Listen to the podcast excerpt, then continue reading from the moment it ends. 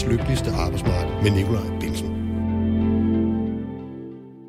Sidste gang arbejdstiden bliver forkortet for almindelige lønmodtagere, var da vi fik den 6. ferieuge efter storkonflikten i 1998. Før det lå den seneste nedsættelse af den ugenlige arbejdstid tilbage i slutningen af 80'erne. De senere år har vi set en række virksomheder, der eksperimenterer med nye og anderledes måder at tilrettelægge arbejdet på. Nogle af dem udmyndter sig i en 4-dages arbejdsuge, hvor de samme timer som før bliver placeret på mindre tid. Andre steder går man mindre op i, hvor mange ugenlige timer der arbejdes, bare der bliver leveret den samme effektivitet. Det handler om work-life balance, det handler om mindre stress, det handler om at ture, tænke og gøre tingene anderledes. Og det er det, dagens program handler om. Vi skal både tale om nedsat arbejdstid, alternative måder at tilrettelægge det på og kortere arbejdsuge. Vi har blandt andet selskab hele timen af politikens arbejdsmarkedskommentator Lavant Hiva Namo. Han har netop skrevet en skarp kronik, hvor han ikke bare slår på trummen for, at fagbevægelsen igen skal begynde at kræve nedsat arbejdstid for deres medlemmer. Han peger også på tre magtfulde fagbosser med et stort ansvar for, at det her tema ikke bliver prioriteret. En af dem er sektorformanden i HK Privat. Han hedder Simon Søren, og ham skal vi høre for at svare sig lidt senere. Endelig har vi besøg af Pernille Gård Appelgaard, hun er direktør for noget, der hedder Take Back Time. Forfatter, foredragsholder og vel egentlig en slags ekspert i begrebet fire dages arbejdsuge. Noget hun også har rådgivet en række virksomheder i at få implementeret. Jeg arbejder til daglig som scenetekniker, og det kan foregå dag, aften, weekend og nat, hvorfor min ugenlige arbejdstid faktisk er nedsat til 34 timer.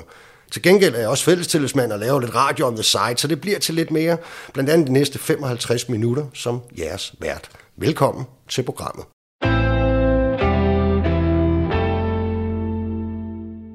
Lavan, Hiva Namo og Pernille Gård Abelgaard. Velkommen til programmet. Jo, tak. Skal vi ikke lige prøve sådan indledningsvis at, at sætte lidt flere ord på, hvem I er? Lavan, du, jeg sagde, du var arbejdsmarkedskommentator på at skrive indlæg på politikken. Er det det eneste, du laver? Nej, jeg vil sige, udover at have en af Danmarks længste titler, øh, det er sådan noget, politikken godt kan lide. Det, det, det jeg gør hos politikken, det er, at jeg skriver analyser for dem, og det gør jeg en gang om måneden, en gang hver anden uge.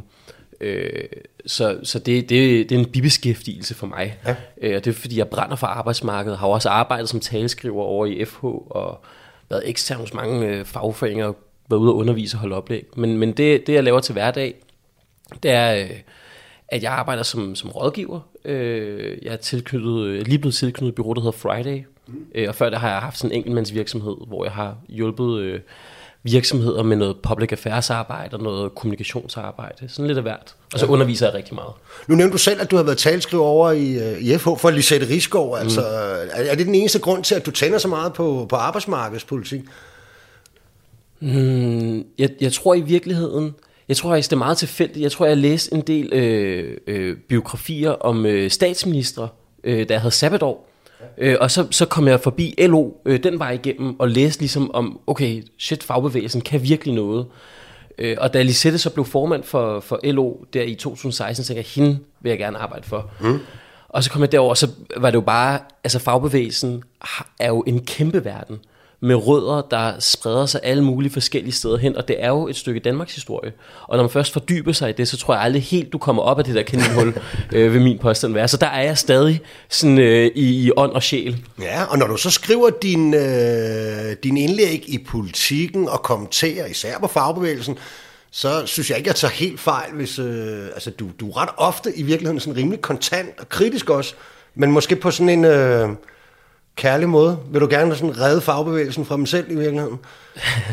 jeg tror, jeg, jeg gør det af ren og skær kærlighed til bevægelsen. Og den eneste grund til, at jeg er så kontant, det vil jeg ikke normalt være, men det er fordi, jeg oprigtigt er bange for, at den dag, jeg går på pension, jeg er 27 år, så vil sige, øh, om, om, om godt at ved nogle år, 40 år, eller 40 år ikke? så øh, hvis den udvikling, vi ser i fagbevægelsen, hvis den fortsætter, så er der ikke en fagbevægelse i Danmark, når jeg går på pension. Mm hvis, hvis udviklingen fortsætter fra år 2000 til i dag, så, så er fagbevægelsen død omkring i 2050-2060. Og det er derfor, jeg er så kontant, fordi der skal ske noget. Og selvom det ser sort ud, så er der også håb. Øh, men jeg, jeg tror, man har et handlerum de næste 10-12 år. Det, der, det, er jo, det er dem plus 50 år, de 47 ligesom dig, øh, som ligesom bærer fagbevægelsen i øjeblikket. Når den generation går på pension, så, så, så er vi helt fuck på arbejdsmarkedet.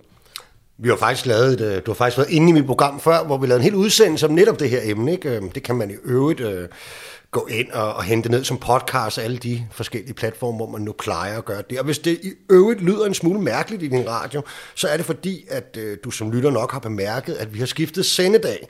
Og sådan øh, fortsætter det altså året ud. Verdens lykkeligste arbejdsmarked fra nu af vil blive hørt hver tirsdag kl. 11.05. Og og vi skulle lige i gang med den her ændring, så dagens udsendelse, den er altså indspillet på forhånd, hvorfor man hverken kan ringe eller skrive herind. Pernille, Ja, blandt meget andet, så øh, er du, som jeg sagde i indledningen, direktør for noget, der hedder Take Back Time. Hvad er det? det er mit eget lille firma, hvor jeg har et par konsulenter tilknyttet, hvor vi går ud og hjælper virksomheder med at tage deres tid tilbage. Mm. Øh, og det er fordi, jeg har selv en oplevelse af, at vores tid bliver tyvstjålet fra os, fra alle mulige. Der er kæmpe store virksomheder, der tjener milliarder på at stjæle vores opmærksomhed og vores tid. Og hvis ikke vi er meget opmærksomme på at passe på den tid og tage den tid tilbage, så forsvinder den bare mellem øh, fingrene på os. Der findes øh. algoritmer, der lever af det. Altså, simpelthen. Præcis, ja. præcis. Ikke? Så vi skal, være, vi skal passe på, at vi ikke kommer til at klatte den væk. Mm. Og hvad, øh, du skriver også bøger.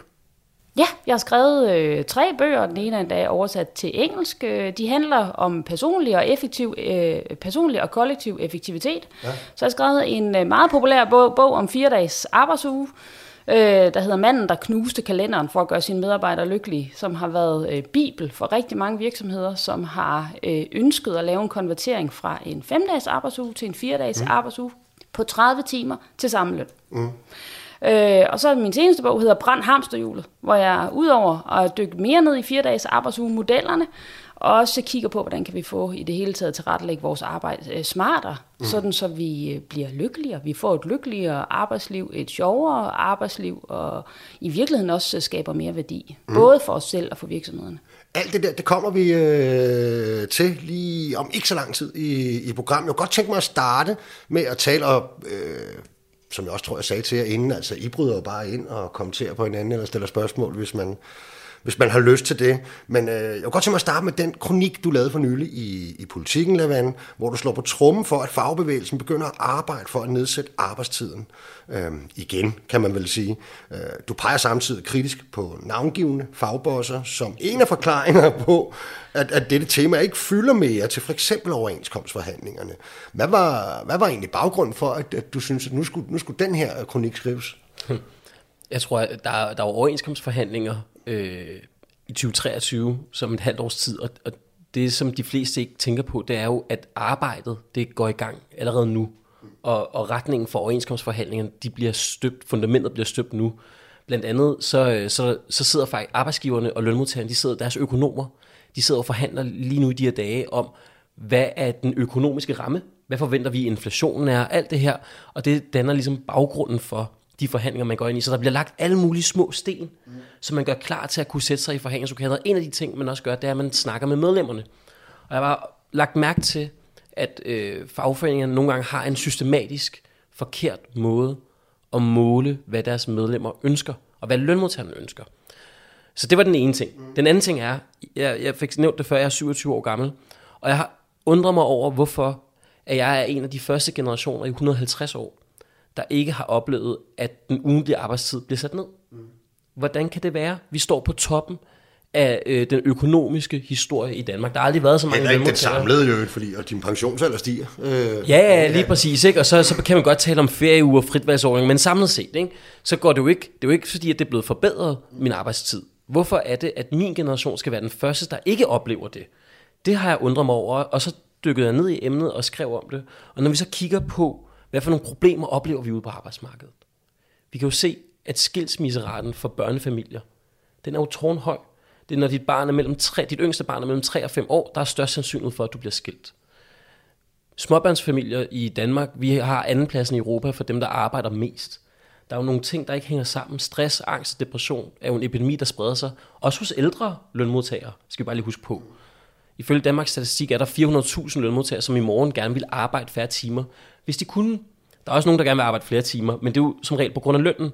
Og når man kigger på de her ting, og man ser en fagbevægelse, der ikke kan samle folk omkring sig, vi, så er vi tilbage til grundstenen. Ikke? Du spurgte, hvorfor skriver du de her ting? Jamen det handler grundlæggende set om at pege på, hvor er det fagbevægelsen kan skabe en forskel, og så mobilisere folket igen, sådan så vi oplever den fremgang. For jeg tror, at fag, en stærk fagbevægelse er essentiel for, for et Danmark, jeg godt kunne tænke mig. Mm. Så på en eller anden måde riser du lidt både en, en, en ung versus gammel, eller ældre konflikt op, men, øh, men måske i virkeligheden også, en, det synes jeg, jeg kan læse i det også, øh, når du taler om det der med, hvordan man måler på, hvad øh, dem, der arbejder under overenskomsterne, hvad de egentlig har ønsker og drømme og behov. Øh, måske egentlig også en konflikt imellem øh, dem, der er medlemmer og dem, der ikke er medlemmer. Ja, jeg mener jo, at fagbevægelsen er ude i en dødsspiral. Dødsspiralen, det er sådan et begreb, man har inden for økonomiens verden om, øh, om forsikringer, når, når man er havnet et sted, hvor at man systematisk så bevæger sig ned i sådan en lille sort hul. Og det, der sker med fagbevægelsen, det er, man har en historisk tankegang om, jamen, vi er til for medlemmerne. Det er dem, der betaler vores løn. Så det er dem, vi snakker med. Fint nok. Problemet er bare, at man styrt bløder jo medlemmer. I dag så er det under halvdelen af lønmodtagere på det private arbejdsmarked, som er med i en fagforening, der forhandler overenskomst. Det tal var altså over 70 øh, procent for 20 år siden. Så det vil sige, i takt med, at der er færre medlemmer i fagbevægelsen, det større vil afkoblingen mellem lønmodtager og fagbevægelse være. Og det større afkobling bliver mellem det fagbosserne forhandler om, og det lønmodtagerne føler og oplever og tænker, jamen det endnu større vil gabet blive, fordi de kigger over på de her fagbosser, som har kontor ud til vandet og tænker, I repræsenterer jo ikke min verden. Mm. Og det er den spiral, den dødsspiral, jeg peger på at sige, I kan ikke gøre, som I gjorde for 50 år siden. I bliver nødt til at tænke på dem ikke medlemmer som potentielle medlemmer. I bliver nødt til at spørge dem og lytte til dem, fordi ellers så bliver hvad skal man sige, øh, afstanden for stor. Mm. Så, så øh, i virkeligheden mener du faktisk, at et, øh, et tema som nedsat arbejdstid, og det hvis fagbevægelsen begyndte at for alvor og tungt at sætte det her på dagsordenen øh, igen, faktisk kunne være noget, som i højere grad øh, knyttet an til at bande kontakt til, til dem, som faktisk ikke er medlemmer, men for eksempel måske arbejder på, på overenskomster i dag. Lige præcis. Altså vi bliver nødt til på et eller andet tidspunkt at have en samtale om, hvad er det, der skal til for, at alle dem, der ikke gider at betale 500 kroner om måneden i fagforeningskontingent, som jeg synes er vigtigt, mm. vil jeg bare lige understrege, hvad kunne vi gøre, sådan så de føler, at de bliver en del af en fælles kamp? For jeg tror ikke, min generation er jo ikke mindre fællesskabsorienteret end generationerne før. Bare se på klimakampen. Mm. Vi kræver dog en ordentlig grund til at være medlem af en forening. Mm. Vi stiller os ikke bare til takke med, at sådan har vi altid gjort. Mm. Og det er den øvelse, jeg synes, at fagbevægelsen ikke er lige så gode til som førhen. Okay. Så er det pænt sagt, ikke? Jo, jo. Du, du har også faktisk et, øh, i, i selve kronikken et, øh, et kønsperspektiv på, hmm. på, på, hvorfor det her kunne øh, være enormt populært. Ja, men det, det handler jo grundlæggende set om, at det som, det, som man har set førhen, når du sænker arbejdstiden, det er, at dem, der så er på deltid, øh, deres løn er jo normeret af, lad os sige, simpelthen 70% af en fuldtidsløn. Når du så sænker arbejdstiden fra 37 til lad os sige 35, jamen dem, der så arbejder 35 timer i forvejen, skal de så arbejde færre timer, eller skal de så have mere i løn? Ofte så sætter man bare op i løn. Øh, så, så det vil sige, at hvis du sænker den generelle arbejdstid i Danmark, så vil det komme alle deltidsansatte økonomisk til gode. Og det, der er tre gange så mange kvinder øh, i forhold til mænd, der er deltidsansatte.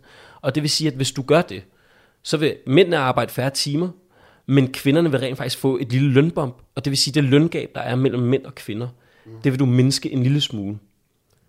Det blev lidt teknisk. Ja, men, ja, jeg tror, jeg fangede den. Men, men der, der er et ligestillingsperspektiv i det også, øh, og det spiller jo også over i pensionerne, ikke? fordi at din pension er en procentdel af din indkomst osv., som er en af de store uligheder mellem mænd og kvinder. Vi kan se, at når mænd og kvinder bliver skilt, jamen så, så sidder kvinderne tilbage med en markant mindre pension. Mm. Så, så, så der er nogle helt andre perspektiver i at sænke arbejdstiden, som ikke egentlig ikke var årsagen til at skrive det, men som jeg bare faldt over og tænkte, det synes jeg faktisk er relevant lige at have med. Mm. Det, det kunne også være, at, øh, at det i virkeligheden til nogle af de fag, vi har svært ved at rekruttere til i dag, altså om ikke selv helt ned på øh, ansøgninger til uddannelser, altså der kunne det faktisk også godt være, at det kunne spille en rolle, at man ikke skulle arbejde 40 timer om ugen på, øh, på et plejehjem. Ja, men så skal man jo bare huske på, at, at 3F, altså en fjerdedel af deres medlemmer er kvinder. Mm. HK er øh, et, flertal, et, flertal jo kvinder, Men vi har nogle mænd, der står i spidsen for det. Altså man kan sige, at HK har jo også begyndt at sponsorere gamerne og så videre. Ikke? Og jeg synes nogle gange, lidt de mister øh, det er som om nogle gange, så glemmer de også den kvindedagsorden, mm. i forhold til, hvor mange af dem, der betaler deres løn.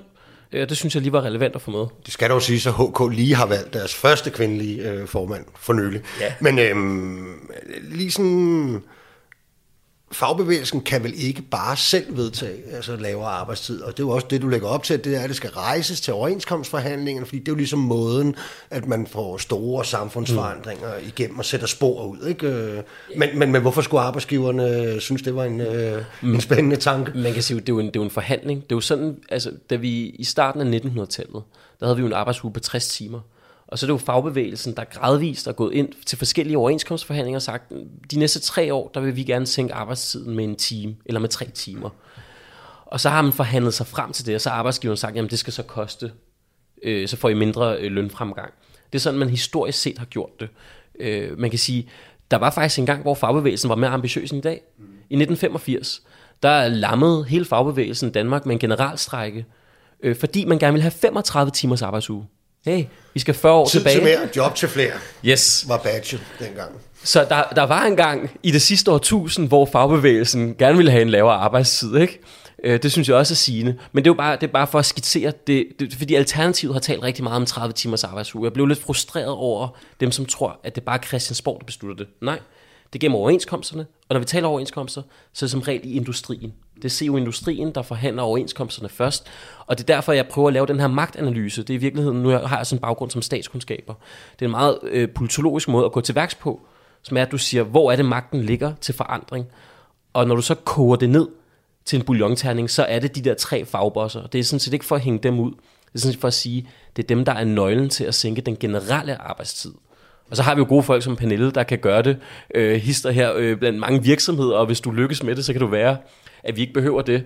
Men det, det, det har vi bare ikke set historisk set endnu, ikke? Og det er derfor, jeg taler om hvad skal man sige, den generelle arbejdstid. Ja, men lad os få Pernille ind nu, når du øh, inviterer hende ind på ja. den måde. Kan man sige, kan du, kan du ikke starte med, Pernille, og, og fortælle os om, hvorvidt du er enig i, i, i nogle af de, hvad kan man sige, udfordringer og problemer, samfundstendenser, som Lavand mener, at det her, øh, at en kortere arbejdstid for eksempel kan løse. Er du enig i, at, øh, at det er sådan, det forholder sig? Ja, jeg er fuldstændig enig. Det, der, hvor jeg i virkeligheden tænker, at øh, jeg godt vil dreje diskussionen hen, det, er jo, det handler jo om, at det nødvendigvis ikke behøver at være sådan, at der er nogen, der skal betale for det.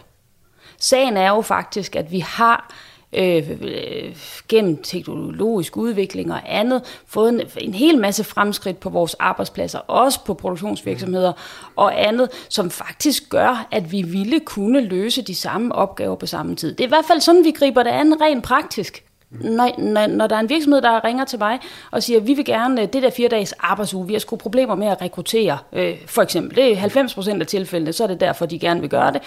Så siger vi, kan vi kigge ind i, hvordan kan vi gøre det hos os?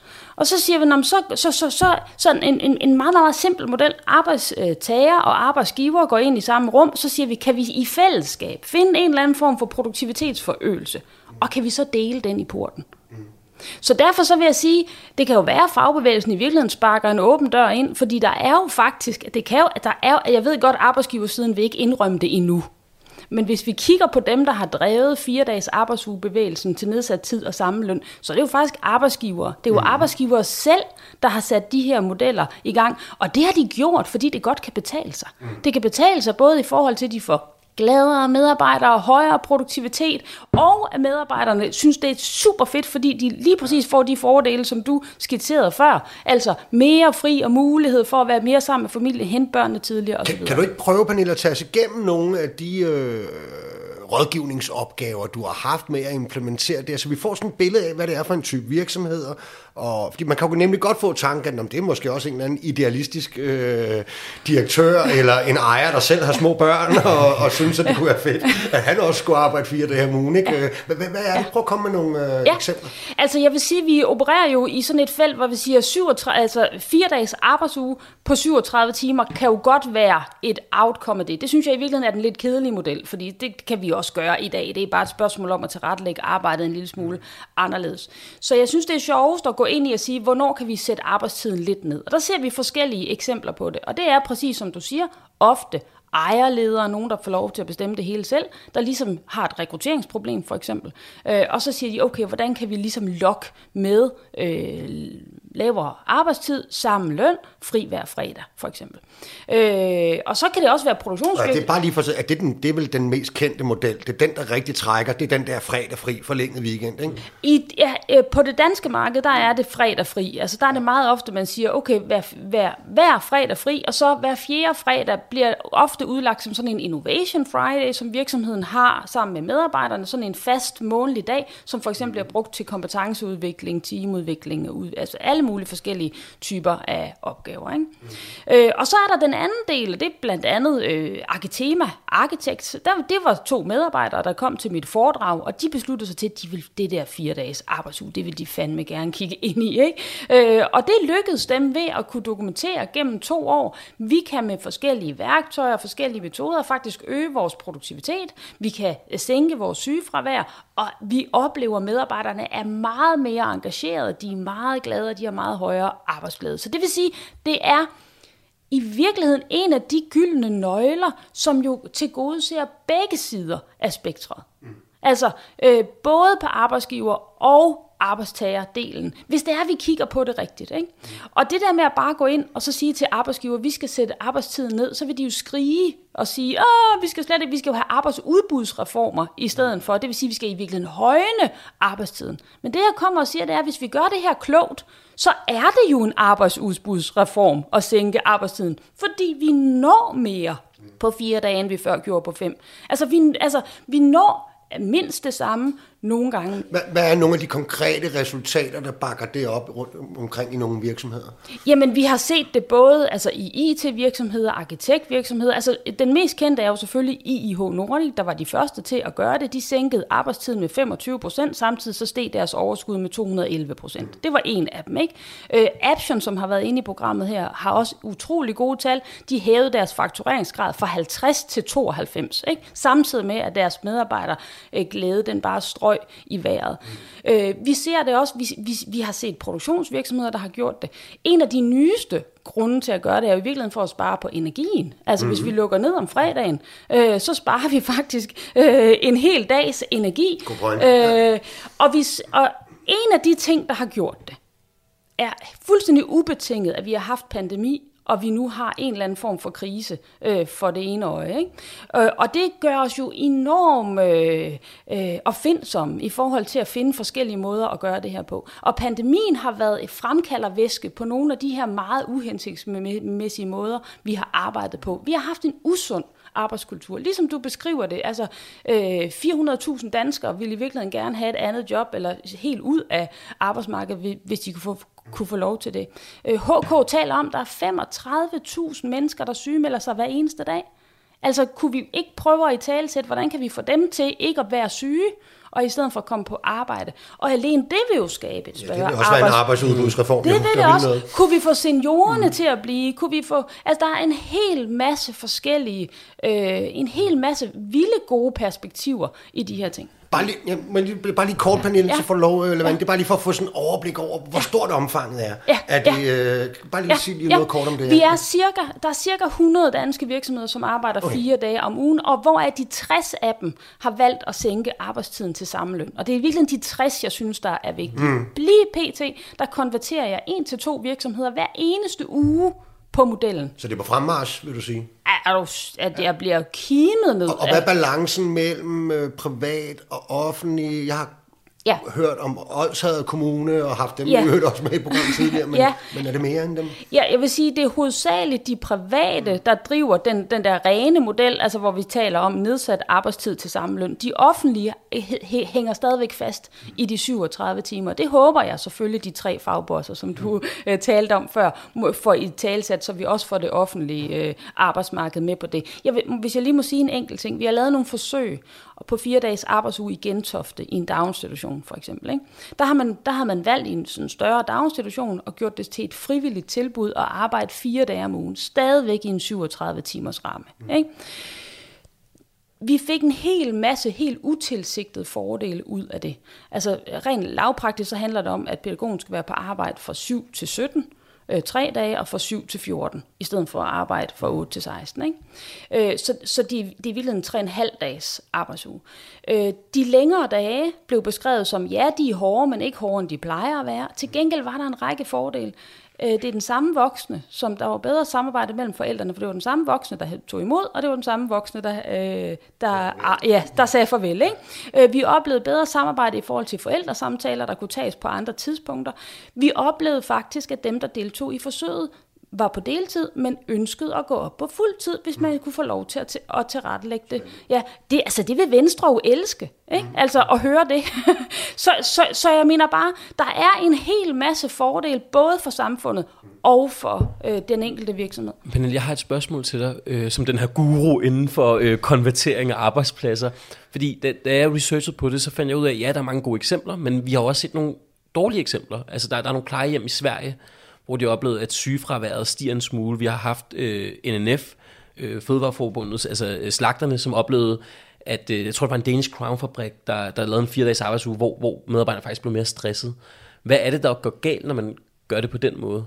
Du nævner de to eneste eksempler, jeg også kender. Altså Danish ja, Crown er, altså, øh, og det var fordi, man valgte jo ikke at kigge på at gøre tingene smartere. Man valgte jo bare at lave altså længere dage. Ikke? Og jeg vil sige, øh, de længere dage, synes jeg ikke er noget øh, ubetinget godt. Altså, så arbejder altså, de på akkord ofte. Mm. Øh, det knaldhammerne hårdt, ikke? Ja. Så selvfølgelig var det for hårdt for dem. Ikke? I de produktionsvirksomheder, som har indført det, der, har, der er man gået ned på 36, 35, 34 øh, timer om ugen, for netop, at de fire dage, man så arbejder, ikke bliver for lange. Mm. Jamen perfekt, det er jo altid godt at få øh, modargumenterne sådan malet helt i jorden, ikke? Øh. Men, men, men, men man kan selvfølgelig sige, at det er egentlig lidt til at begge to, fordi at, og, og I er jo også inde på det, det er jo ikke det her, der er dagsordenen. Dagsordenen er, at vi skal arbejde længere, både for nogens vedkommende synes, det både skal være om ugen og i, i, i, i enden af vores arbejdsliv. Ikke? Øhm, hvor nemt er det at overbevise øh, dem, der hænger fast i den tankegang? Det er jo blandt andet økonomer. Altså ikke, de vil jo sige, at ja, ja, øh, at du får nedbarberet sygefraværet og alle de her ting. Det er funny money. Øh, får vi folk til at arbejde to år ekstra øh, i den anden ende, så er det rigtige penge. Ja, men må jeg så ikke lige påpege, der var jo en gang, præcis øh, som du også sagde, at der, altså, der var en gang, hvor vi arbejdede seks dage om ugen, ikke? og da vi skulle gå over i en femdages arbejdsuge, jeg var lige nede og grave lidt i det. Hvad var det egentlig for argumenter imod en femdages arbejdsuge, der kom på bordet dengang? Og det var, det kan ikke lade sig gøre i alle sektorer. Så derfor skal vi slet ikke gøre det. Altså buschauffører for eksempel. Altså du kan jo ikke køre hurtigere øh, fra øh, Vandløse til Københavns øh, hovedbanegård, vel? Øh, det var det ene argument. Altså det kan ikke lade sig gøre i alle sektorer. Det andet var, ja, vi ser måske en produktivitetsstigning, men kan den holde på længere sigt?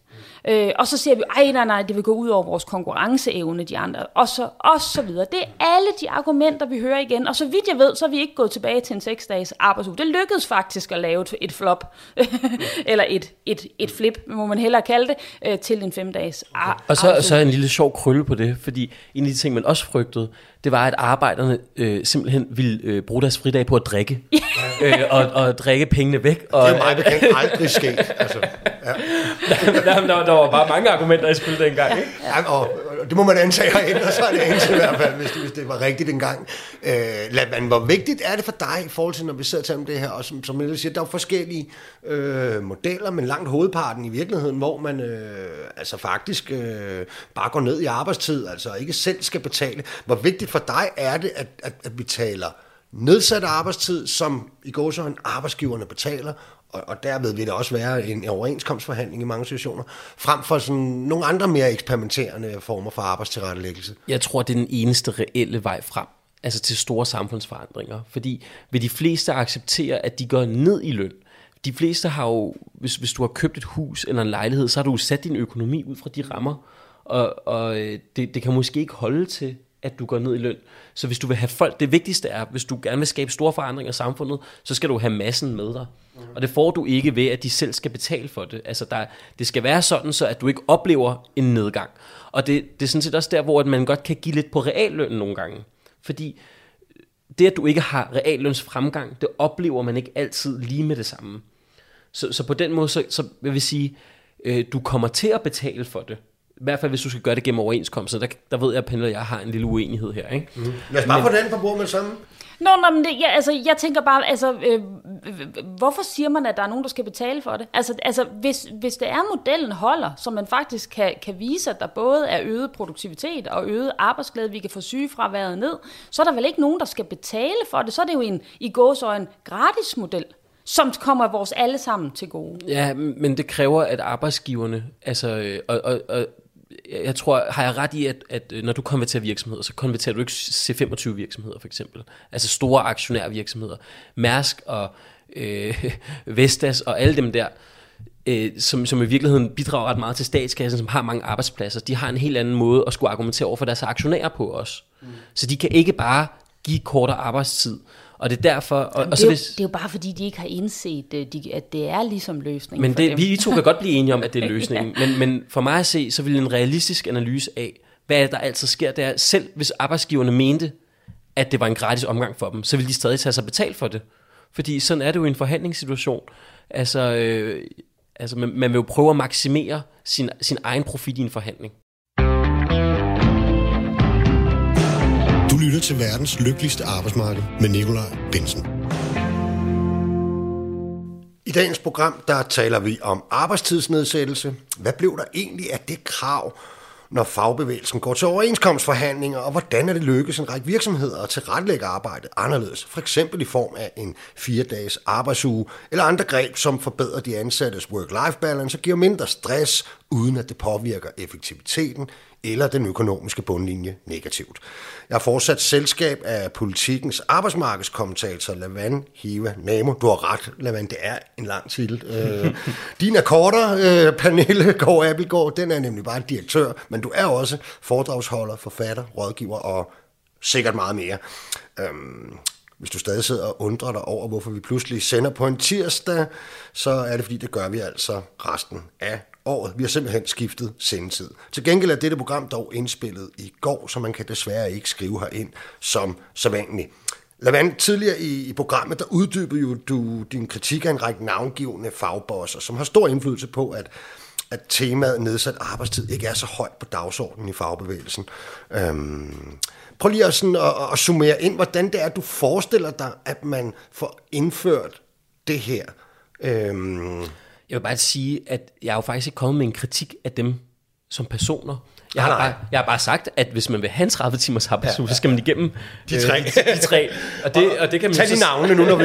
Øh, så det ikke Nå, vi har Mads Andersen fra 3F, øh, øh, og så har vi øh, Simon Tøren fra HK Privat, og, og, og Claus Jensen fra, fra Dansk Metal. Og man kan sige, det, de repræsenterer jo industrimedarbejderne i Danmark, og det er dem, at man kan sige, at Industri består af ni fagforeninger. Men jeg valgte bare at fokusere på de tre, fordi de har flertal til sammen. Man kan sige, det har øh, øh, Dansk Metal og 3F. De er også ofte meget enige. De...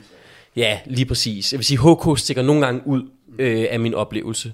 Men i hvert fald, det er egentlig for at sige, hvis du får overbevist de tre øh, fagforeninger, jamen så får du forandringen. Og det er egentlig skitseret, det er at sige, den forandring kan komme af tre veje. Enten så kan medlemmerne øh, skabe så meget ravage og oprør, at fagbosserne siger, jamen så tager vi det ind i forhandlingslokalet. Altså jeg tror ikke, at de de, jo, de har ikke ond vilje. Altså hvis, hvis deres medlem, hvis de oplevede, at medlemmerne satte dem af, hvis ikke de gjorde det her, så ville de gøre det. Den anden ting, det er, hvis resten af fagbevægelsen lægger et stort nok tryk på dem, og siger, at det her det er noget, vi kollektivt skal igennem, så har man også set, at så rykker de sammen med resten. Og den tredje mulighed, det er jo, at individerne, det betyder jo noget, hvem vi har som ledere i vores samfund. Hvis de har en vision for lønmodtagerne, så vil det nogle gange også sive ned igennem øh, til fabriksgulvet. Du så det med Arne-reformen, et godt eksempel på det. Det var noget, der startede i 3F's ledelse og Fødevareforbundets ledelse. Det er en idé, der startede der. Så lavede de en masse bevægelse, og så fik de så også Christiansborg øh, i gang. Så der er altså eksempler på, at fagbosser, de øh, træder i karakter og siger, det her det er retningen, og det er valgt, fordi jeg skal forbedre øh, mm. lønmodtagers rettigheder. Men ved du hvad, vi har jo øh, altså faktisk lavet et interview på forhånd med, med en af dem, du, du taler om, nemlig øh, sektorformand i HK Privat, Simon Tøren. Så hvad siger til, at vi lige hører øh, det lydklip? Fornemt. Simon, hvornår har arbejdstidsnedsættelse sidst været på bordet sådan seriøst til overenskomstforhandlinger, som du har været med til? Jamen det har det jo været, da vi fik den 6. ferie, det fik vi jo over nogle øh, overenskomstfornyelser i nullerne.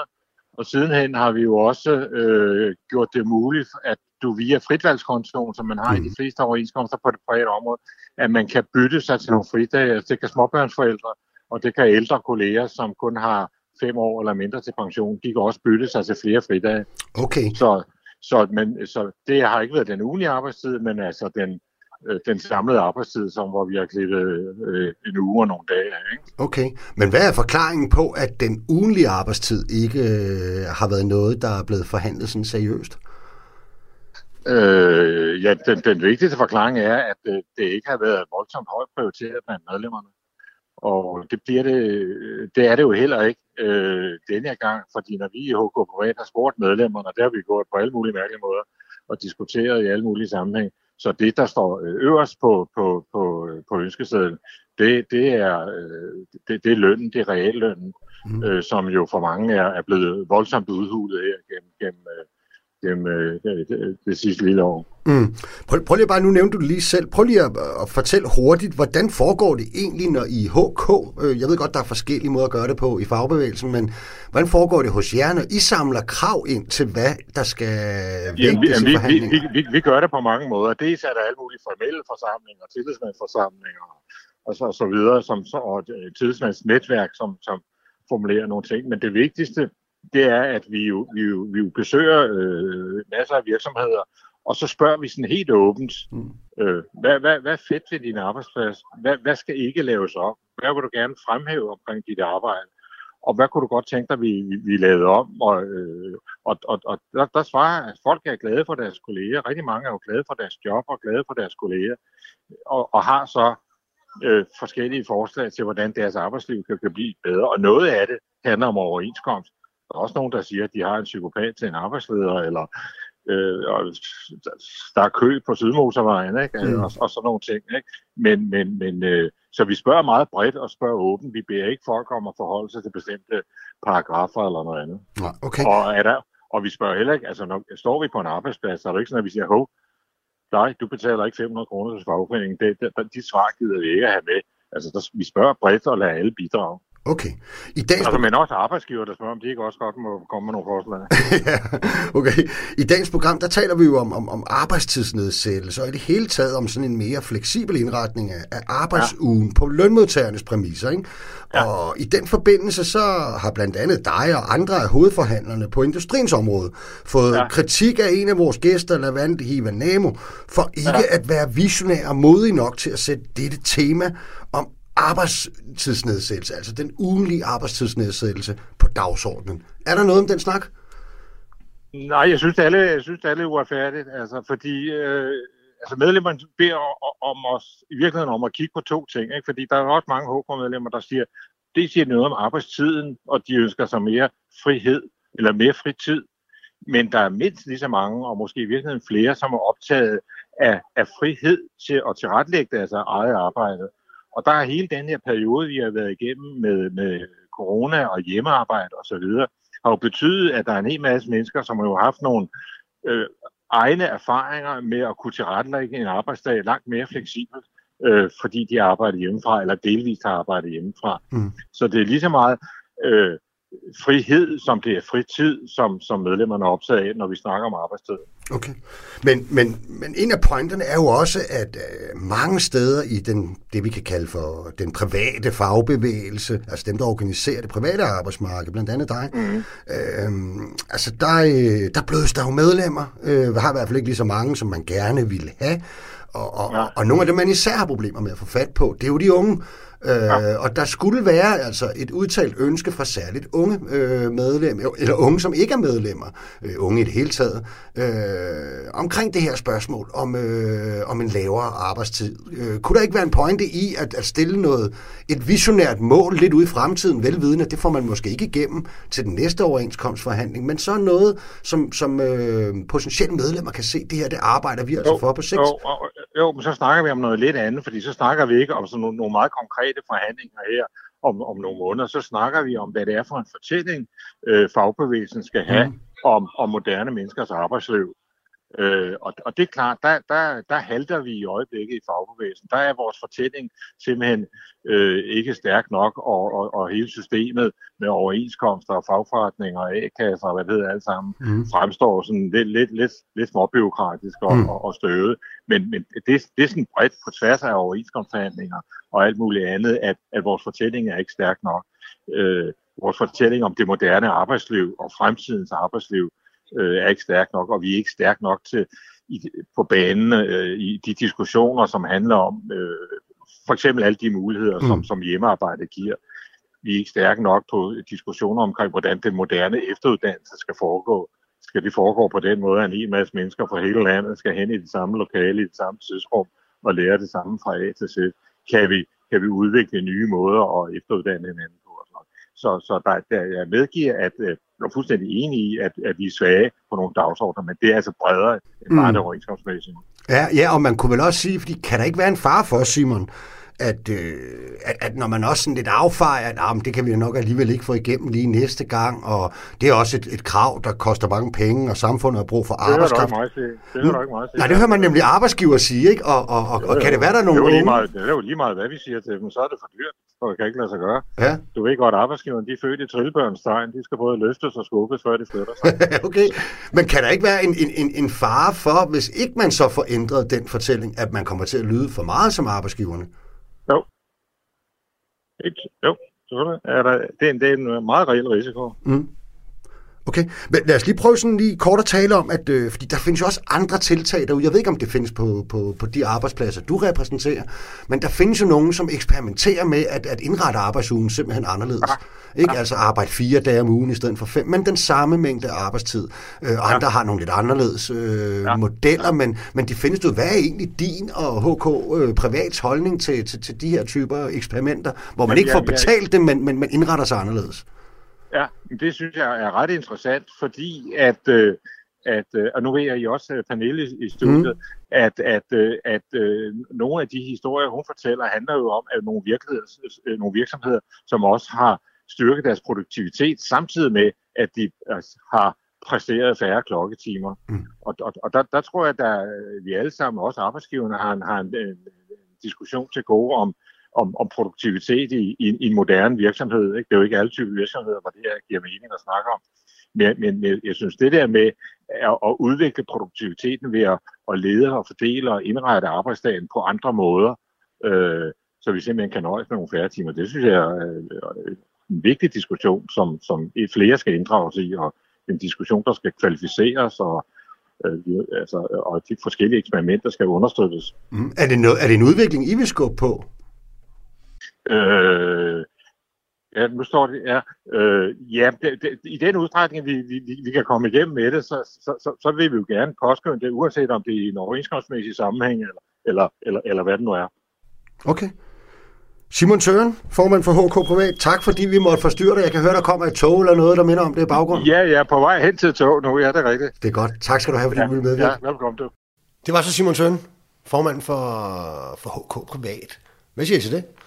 Jamen, jeg synes, at han, øh, han, øh, jeg synes, at han indrømmer, at der er en øh, vigtig diskussion i, hvordan vi taler produktivitet. Og, øh, og nu afslørede han jo også lige, at vi har haft nogle samtaler, så helt uinteresseret er han jo så heldigvis ikke øh, Laval. Øh, men, øh, men, men jeg, og, og jeg vil sige, at jeg har samarbejdet med HK Østjylland for eksempel. Der er en af formændene derude, han er kommet med en, en super god idé, øh, der handler om, altså ligesom at man øh, jo på landbrugsområdet, øh, der har man jo sådan et øh, rådgivningscenter for alle de landmænd, der gerne vil gå fra konventionel landbrug til økologisk land, landbrug. De kan få rådgivning i, hvordan det kan gøres. Og han har, øh, øh, formanden Søren Sørensen, han har konkret foreslået, og jeg nævner det i alle de øh, fagforeningssammenhænge, jeg kommer i, og der, der er mange, øh, der siger jeg, hvorfor laver vi ikke noget lignende øh, i forhold til alle de virksomheder, der gerne vil prøve at lave en konvertering fra en femdages arbejdsuge til en firedages mm. arbejdsuge. Hvorfor kan vi ikke hjælpe dem på, lige måde, på samme måde, som vi hjælper, de, de har, hjælper det økologiske landbrug frem? Spændende sang. Ja, jeg tror, øh, jamen, for det første, så, så øh, Simon Tørn er jo ret positivt forstået på den måde, at øh, man kan sige, i gamle dage, hvis, hvis du pippede for meget om, om fagbevægelsen, ikke, så blev du slagtet, og, og, og nu er der en dialog, øh, og, og det synes jeg er meget fint. Simon Tøren har i øvrigt også øh, svaret i politikken, øh, på, på kronikken. Så det, det skal han have ros for, for at gå ind i debatten. Øh, det, som jeg hæfter mig ved, det er, at når, da du spørger ind til, jamen, kunne det her ikke bruges til at mobilisere nogle af de unge medlemmer, som er svært, så siger han, nej, men det er jo ikke, det er ikke nødvendigvis forhandlinger, det handler om en fortælling. Og hvis der er noget, jeg er træt af, så er det fagbevægelsen, der bliver ved med at sige, at vi er for dårlige til at kommunikere. Det minder lidt om, kan I huske dengang Helle thorning Schmidt, hvor det gik rigtig skidt? Og hun blev ved med at sige, jamen det er fordi, jeg er dårlig til at kommunikere. Og man var slet, nej, det er fordi, du har hævet topskatten. Øh, eller sænket topskatten, ikke? Øh, altså, øh, problemet er jo, vi kan jo se Danmarks statistik. Der kan vi se, at det især er de unge, og det er især børnefamilier, der gerne vil have færre arbejdstimer. Teknisk Landsforbund, de har, øh, de har lavet en undersøgelse, øh, der viser, at øh, 78% af deres medlemmer over 35 år ønsker en 4-dages arbejdsuge. For medlemmer under 35 år er det tal 89%. Mm. Og sådan kan du se det på en række ting. Der er altså en generationsforskel mm. i forhold til, hvad du synes er retfærdigt og godt for øh, arbejdsmarkedet. Og det må man så bare sige til, til Simon Søren, det er, hvor mange virksomheder er det, han har besøgt? Han har ikke besøgt alle virksomheder. Det, man baserer langt det meste af sin data på, det er de spørgeskemaer, man sender ud til medlemmerne. Og så kan alle sende postkort ind. Og så er spørgsmålet, HK har, privat har 30.000 medlemmer. Øh, de repræsenterer deres overenskomst, ligger omkring 60.000, øh, 60-70.000. De siger, de har fået 14.000 indberetninger, ønsker. Øh, det siger jo ikke noget om, hvor mange personer, individer, der har ønsket noget. Så vi, vi er altså over på, at den, det data, som, som Simon har til grund, det er under 25 procent. I bedste fald er det 25 procent af dem, som han forhandler på vegne af. I værste fald, så er vi altså nede på omkring 10-5 procent. Og hvis ikke man erkender den udfordring, som det udgør, så får du meget svært ved at løse det problem, som er, du har ikke de unge med. Og når man spørger de unge, hvorfor de gerne vil arbejde kortere tid, så er det jo i virkeligheden ikke kun fordi, at de ikke gider. Øh, i, meget, meget ofte så er de unge, det er fordi, de gerne vil have mulighed for at efteruddanne sig løbende, for eksempel. Ikke? Mm. De vil gerne have mulighed for, der er måske nogen, der har en særlig øh, tidskrævende øh, fritidsaktivitet. De er aktive i NGO'er, de er aktive frivillige. Altså, vi har en ungdomsgeneration, øh, som jo øh, slet ikke kan se sig selv i det der, de der faste 8-4 rammer. Så, så, så, så jeg synes også, det er vigtigt i den her diskussion og, og pinpointe også over for arbejdsgiverne, at det handler jo ikke bare om, at de unge bare vil have fra arbejdsgiverne. Nej, de vil faktisk gerne have mere frihed og fritid, så de også kan blive klogere øh, så de kan øh, øh, efteruddanne sig, kompetenceudvikling, bidrage til civilsamfundet i det hele taget. Og der er vi jo ude i at tale om, at det er en model, som i virkeligheden hjælper med at samle samfundet. Ikke? Og det er derfor, jeg bliver ved med at sige, at det er en, det er en falsk modsætning ja. at sige, at det er arbejdsgiver mod arbejdstager. Yes. Og så synes jeg, at det som fagbevægelsen også lidt har misset, det er, prøv lige at sætte jer ind i, hvordan det er at være i slut 20'erne, start 30'erne alle de største udfordringer, de ligger klumpet sammen på syv år. Det er for børn. Øh, det har jeg i hvert fald set mine kolleger, ikke? Altså hvis du, har, hvis du ser på folk med små børn, ikke? Så, så har de rendet rundt med sorte rande under øjnene, og det eneste, de kan tænke på, er næste gang, de kan sove. Øh, du skal øh, i, i de perioder også investere i dit første hus, i din bil. Alle de her ting, det er jo massive investeringer. Øh, dit bryllup, der, der ligger så mange ting, som tager din tid. Og vi ser altså ind i, nu, nu sagde jeg før, øh, jeg er jo i slut 20'erne, der går altså sådan noget 44 år, 45 år, før jeg kan gå på pension. Hvorfor skal jeg knokle utrolig meget? Jeg vil gerne have et liv, hvor jeg kan se mine børn, hvor jeg kan have et godt kærlighedsliv også. Og jeg har ikke noget imod senere hen at arbejde meget, når der er tid til det. Og det, det er basically, det er helt grundlæggende, det som jeg synes, at arbejdsmarkedet ikke rummer, det er de udfordringer, vi oplever som lønmodtagere. Og, og det er fordi, at man har sådan en øh, one size fit all model hvor at, øh, om du så er 60 år, 50 år eller 30 lige, år, sådan samme model. lidt kritisk, og det kunne jeg helt så godt tænke mig, at vi lige prøvede at være her lidt til sidst. Ikke? Øh, min egen oplevelse, også efter at, jo at have tilhørt øh, en af dem, der har forhandlet overenskomster i 20 mm. år. Så jeg er sikkert lige så konservativ som alle mulige andre. Ikke? Men min, min, min eget indtryk af, af kollegaerne og andre, det er jo også, at deres behov som lønmodtager altså, øh, forandrer sig øh, samtidig, i takt med, at deres liv forandrer sig. Ikke? Altså, øh, de unge vil sådan set gerne tjene nogle penge, fordi de skal jo også i dag ud og lægge en kæmpe stor øh, udbetaling, hvis du skal købe en bolig i, øh, i en af de større byer. Så de vil gerne arbejde meget mere end øh, børnefamilierne, for eksempel. De vil faktisk gerne gå noget ned i tid. Og de ældre, de vil i virkeligheden gerne have beskyttelse for, at de kan blive hængende de sidste par år. Så der er sådan, i livsfaserne også nogle forskellige, det er jo ikke nødvendigvis sikkert, at, at de her krav, hvad enten det er 30 timer om ugen, eller andre måder at gøre det på, altså fedt all, det kan være, at det bare kun øh, passer rigtig godt til yngre medarbejdere, og det kan også være, at det er nogle af de yngre medarbejdere, der er mange af i de der arkitekt- og IT-virksomheder jo. Det er I ikke enige i? Øh, jamen, jeg vil egentlig sige, nej, så vil jeg godt have lov at vente den en lille smule om. Mm. Ikke? Alle de problematikker, som du nævnte, Laval, til at begynde med, ikke? Også, vi har nogle massive strukturelle problemer på det danske arbejdsmarked. Vi har forsøgt at komme stress, mental belastning til livs i hvad 30 år, 25-30 år, og tallet bliver ved med at være det samme. Vi bliver nødt til at tænke anderledes. Vi bliver nødt til at gribe det her an på en anden måde. Vi bliver nødt til at vende bøtten, og vi bliver nødt til at hjælpes ad arbejdsgiver og arbejdstager på en meget mere konstruktiv måde for at løse de strukturelle problemer. Det svarer jo til, altså det er jo et strukturelt problem, ligesom klimakrisen. Ikke? Og hvad er det for værktøjer, der altid virker, når vi har strukturelle problemer? Om det handler om klimakrise, ligeløn, det er de kollektive. Ikke også? Så vi bliver nødt til at se på, hvordan kan vi gøre det her kollektivt anderledes. Og det er også det, du plæderer for, Lavand, men hvad, kan der ikke være en fare ved, at, at der, hvor man for alvor kan gøre det her, at vi lidt får splittet, hvad kan man sige, vores arbejdsmarked op. Det kunne for eksempel være, at øh, i organiseret og ikke organiseret øh, overenskomstdækket virksomheder, men det kunne også være nede på fag og brancher.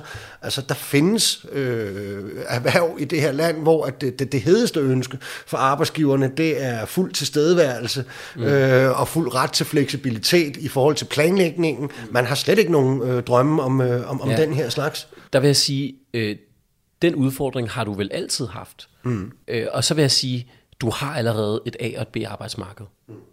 Altså, that time is gone. Altså, det er allerede sket, og det skete med, at fagbevægelsen, de begyndte at miste medlemmer. Altså servicebranchen mm.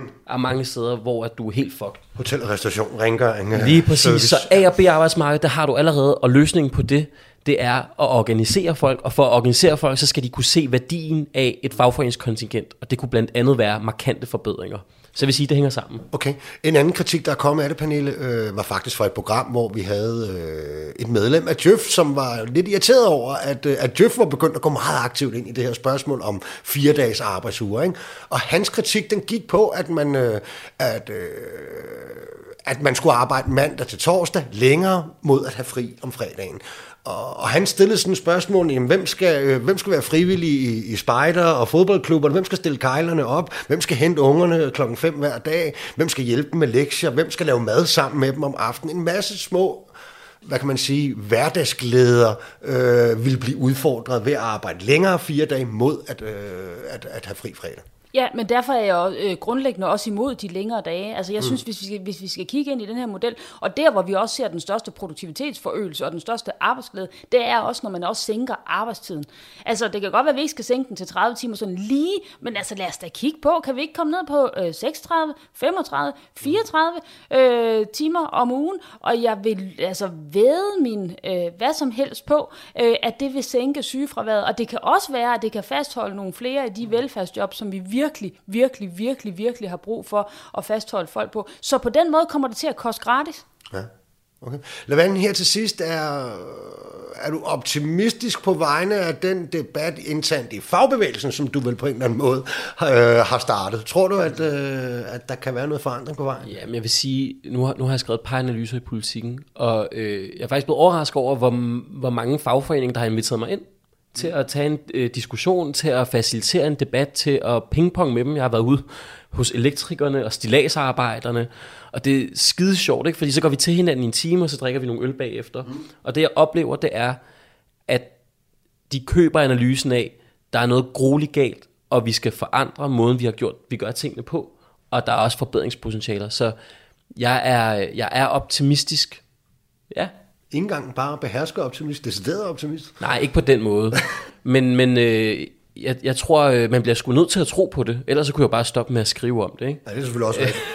Pernille, hvis, øh, hvad, skal, hvad skal der til for, at, øh, at, at den her dagsorden i det hele taget rykker højere op, også blandt politikere og flere virksomheder, erhvervsfolk, samfundsdebattører måske? Jamen det er, at øh, vi skal gøre, øh, flere skal gøre ligesom mig, altså prøve at være med til at få den øh, viden ud, som faktisk ligger der. Altså blive ved med at sige, at det her det er ikke nødvendigvis et nulsumsspil. Altså du kan nå mere på øh, færre dage, for eksempel. Ikke? Lad os få nogle flere test i gang. Lad os få noget mere, altså øh, øh, få flere virksomheder på banen. Øh, og det er helt rigtigt, C20-virksomhederne er ikke kommet øh, øh, på gulvet endnu, men det er kun et spørgsmål om tid, det er jeg fuldstændig overbevist om. Okay. Pernille, jeg har i virkeligheden kaldt dig noget forkert hele dagen. Øhm, du hedder faktisk Pernille Garde Abelgaard, så fik vi også det på plads. Tak. Lavan, Hiva Namo, tusind tak, fordi I begge to kiggede forbi. Det var en rigtig, rigtig, rigtig spændende samtale, vi havde her. Også tusind tak til jer, der lyttede med derude. Vi er tilbage igen i næste uge, samme tid og sted. Husk, at det jo altså fremover er om tirsdagen kl. 11.05, at vi sender. Verdens lykkeligste arbejdsmarked, det er produceret af Rackerpark Productions for Radio 4. Og dagens program, det var tilrettelagt af Julie Lindhardt Højmark.